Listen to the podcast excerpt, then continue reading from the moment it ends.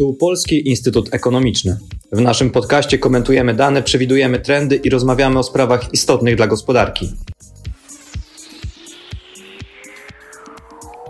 W dzisiejszym odcinku ustalimy, czy i w jaki sposób zwiększyła się rola państwa w XXI wieku. Jakie czynniki wpływają na wzrost interwencjonizmu? Rozmawiam z Łukaszem Baszczakiem, analitykiem zespołu ekonomii behawioralnej w Polskim Instytucie Ekonomicznym. Ja nazywam się Maciej Miniszewski i zachęcam do wysłuchania odcinka. Łukaszu, Jesteś współautorem raportu Powrót do interwencjonizmu Państwo i gospodarka w warunkach zagrożenia i kryzysów. Tam w tej pierwszej części mamy znak zapytania, więc rozwiejmy wątpliwości i ten znak zapytania z tytułu czy rzeczywiście mamy powrót do interwencjonizmu. Dzień dobry Państwu, dzień dobry, cześć Maćku. Rzeczywiście mamy na pewno przesłanki, by stwierdzić, że państwa, szczególnie te najbardziej rozwinięte, wracają do interwencjonizmu albo raczej wchodzą w nową epokę interwencjonizmu, bo raczej w ten sposób byśmy chcieli to rozumieć. To znaczy nakładające się taka triada wyzwań XXI wieku, czyli przede wszystkim kryzys klimatyczny, wojna i pandemia COVID-19, wskazują na konieczność większego niż dotychczas, większego niż w ostatnich na pewno kilku dekadach zaangażowania państwa w gospodarkę. W bardzo różnych formach, w bardzo różnych sektorach, no i też za pomocą nowych, wcześniej nieznanych narzędzi, ale też za pomocą narzędzi już w gospodarce istniejących, no bo przecież wojna, tak jak dzisiejsza, tak i dawniejsze, wiązały się zawsze z podobnymi działaniami państwa. Więc tak, jest to nowa era interwencji już w czasie, kiedy zaczęła się pandemia, było bardzo dużo głosów o właściwie końcu dominacji fundamentalnie wolnorynkowej koncepcji neoliberalizmu. Czy to się nasiliło, czy jednak ten czynnik, jakim była pandemia, się wypalił. Mówiłeś o kolejnych kryzysach, które również nastąpiły później, czyli zarówno wojna, zarówno kryzys energetyczny, jak i kryzys klimatyczny, który y, już się ciągnie za nami od lat i będzie się ciągnął. Czy po prostu kryzysy i zagrożenia wpływają na to, że państwo jest bardziej potrzebne? Tak, właśnie tak jest. To znaczy, to taka podstawowa obserwacja z czasów Keynesa, właściwie nawet wcześniejsza, że wolny rynek działa dobrze, dopóki działa dobrze, a kiedy przychodzi kryzys, no to e, potrzeba tego nowego aktora, tego silniejszego aktora na scenie, który łączy w sobie zarazem władzę, e, jak i możliwości, jak i zdolności, kompetencje, środki po prostu do większego zaangażowania. Widzimy, że chociażby w przypadku pandemii fundusz pobudzający gospodarkę przygotowany przez Unię Europejską, no to są 2 e, biliony euro. To jest taka interwencja w rynek, że właściwie trudno mówić o tym, że to jest w jakimś sensie zaburzenie wolnorynkowej gospodarki czegoś takiego. No, gdybyśmy mówili o ściśle wolnorynkowej koncepcji, no to dlaczego Unia Europejska miałaby coś takiego robić, skoro w długim okresie pewnie byłoby to tylko zaburzenie według tych najbardziej wolnorynkowych koncepcji fundamentalnie poprawnego mechanizmu działania gospodarki. No tymczasem jednak widzimy, że kiedy przychodzą takie zupełnie zewnętrzne kryzysy, zewnętrzne szoki, to i uwidaczniają się, uwypuklają te wewnętrzne zawodności rynku, czy wewnętrzne w tym sensie, że wpisane w samą istotę zawodności rynku, więc i jest potrzebna pomoc państwa, to znaczy w tym wypadku koalicji państw Unii Europejskiej,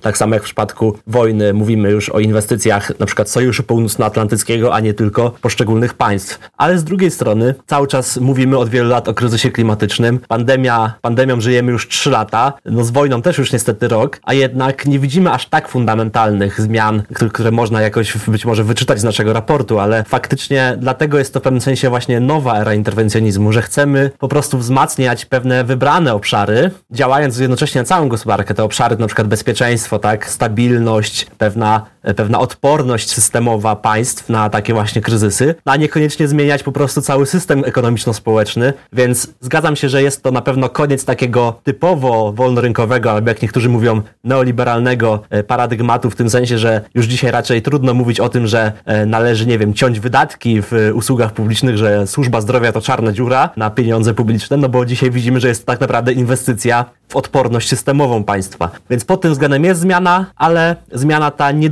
dotyka aż tak wielu dziedzin, jak można by się spodziewać, biorąc pod uwagę na przykład ogromne, ogrom tego wyzwania, jakim jest chociażby kryzys klimatyczny. Że być może ta zmiana w przyszłych latach to w pewnym sensie przejście punktu równowagi bardziej w stronę interwencjonizmu działania państwa niż dotychczas będzie jeszcze się poszerzać. No właśnie, wyprzedziłeś część moich pytań, bo mam wrażenie, że i tak przez te lata nauki i tego par obecnego paradygmatu trochę boimy się określenia interwencjonizm, boimy się tego, kiedy państwo ingeruje w nasze życie, natomiast uspokoiłeś tym, że my tutaj mówimy tylko o części obszarów. I gdybyś mógł jeszcze tak w skrócie zaznaczyć, jak te przykłady interwencjonizmu od czasu pandemii wyglądały, czyli gdzie wchodzimy. Dałeś przykład świetny dotyczący samej służby zdrowia, czyli ciężko byłoby oczekiwać od samego rynku, żeby w czasie kryzysu, jakim była pandemia, e, wydolny był system zdrowia niepodparty i niewspomożony przez państwo. Co jeszcze?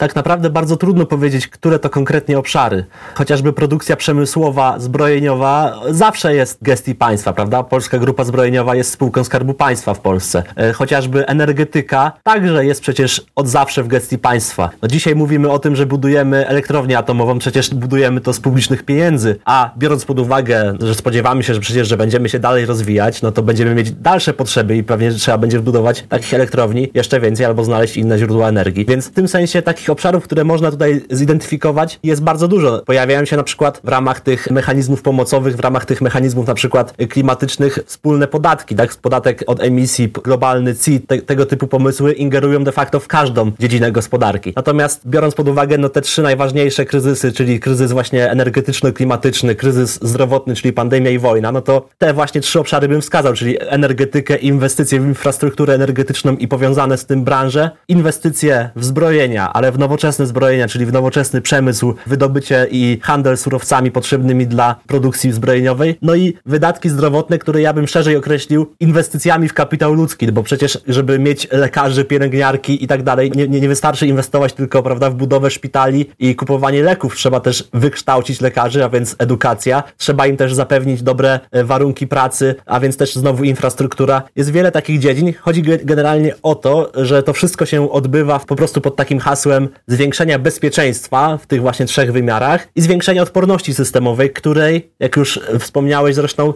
sam rynek nie jest w stanie zapewnić. To znaczy państwa muszą inwestować po prostu tutaj, dlatego że zostawienie tego samopas w długim okresie przyniesie tak naprawdę większe koszty niż, niż jeśli teraz dołożymy tutaj dużo inwestycji, dołożymy tutaj dużo środków i dużo przede wszystkim możliwości takich, że tak powiem, środków niefinansowych, czyli po prostu zbudujemy kadry, zbudujemy właśnie infrastrukturę, zbudujemy w pewnym sensie nowe mechanizmy regulacyjne, które zabezpieczą nas albo przynajmniej złagodzą przyszłe kryzysy. Czyli to wejście właściwie w nowy wymiar interwencjonizmu to nie jest poszerzenie obszarów, w których państwo przejmuje nad nami kontrolę, ale zwiększenie wysiłków i nakładów do zapewnienia bezpieczeństwa w obszarach kluczowych, które i tak podlegały w większości właśnie kompetencjom państwa. E, I tutaj Pojawia się druga kwestia, która często jest kontrowersyjna z perspektywy odbiorców, czyli skąd na to fundusze i właściwie skąd wziąć na to pieniądze. Jak to się dzieje, że po czasach kryzysu finansowego, kiedy popularne było austerity i zaciskanie pasa,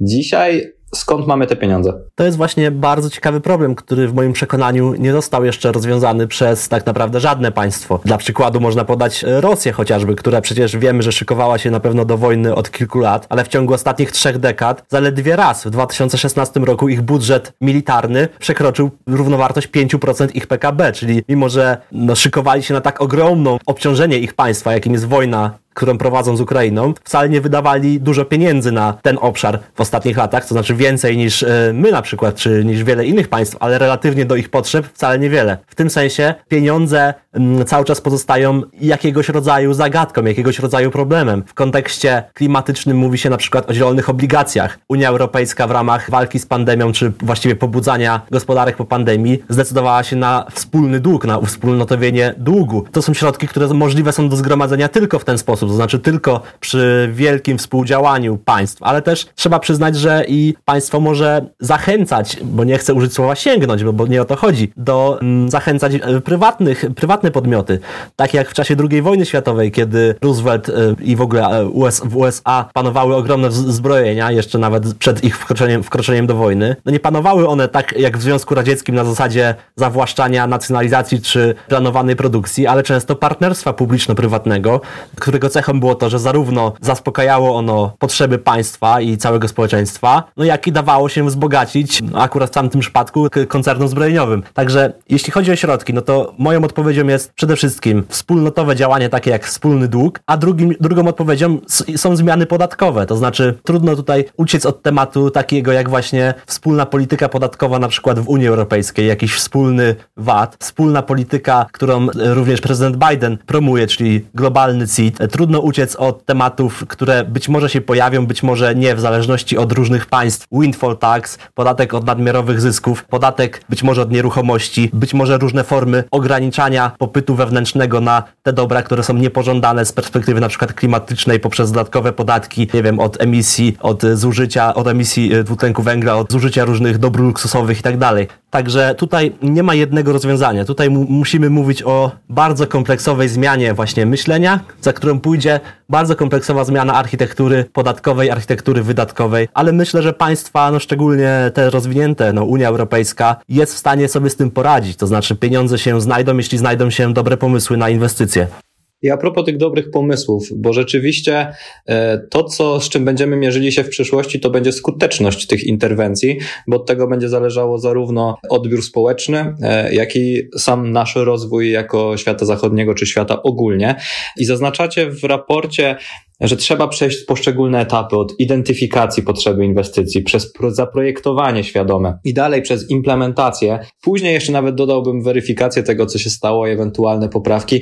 Natomiast czy możemy oczekiwać e, w przyszłości, że te interwencje będą właśnie przemyślane, zaprojektowane e, i czy widzisz jakieś zagrożenia ku temu w tym nadchodzącym roku? To jest absolutnie, powiedziałbym, kluczowy element naszego raportu, który jest w tym sensie otwartą tutaj książką. My go nie, nie jesteśmy w stanie eksplorować do końca, ponieważ jest to po prostu wróżenie. Chociażby dobrym przykładem tego, o czym my tutaj mówimy, jest to wydarzenie, te strajki żółtych kamizelek we Francji po wprowadzeniu pewnego rodzaju podatku na paliwo, który zwiększał koszty, szczególnie dla ludzi mieszkających na prowincji, dojeżdżających samochodami, który zarazem był powiązany z tam bodajże zniesieniem pewnego podatku dla najbogatszych i jednocześnie nałożyło się na to takie sumaryczne, rozciągnięte w czasie likwidowanie czy ograniczanie lokalnych połączeń innych, transportu zbiorowego, szczególnie kolei. Więc widzimy, że nawet takie działania, o których przed chwilą wspomniałem, różne podatki, różnego typu zmiany w społeczeństwie, w tej zdawałoby się nawet nie jakoś bardzo dojmujące, mogą spotkać się z bardzo dużymi oporami i ostatecznie muszą zostać cofnięte. No, wiele jest pewnie prac socjologicznych i politologicznych, które pokazują, że zawsze istnieją takie zagrożenia społeczne, czy takie zagrożenia w tym sensie, że zagrożenia po prostu porażki danej interwencji. One wynikają często po prostu z tego, że państwo, mówiąc najbardziej ogólnie,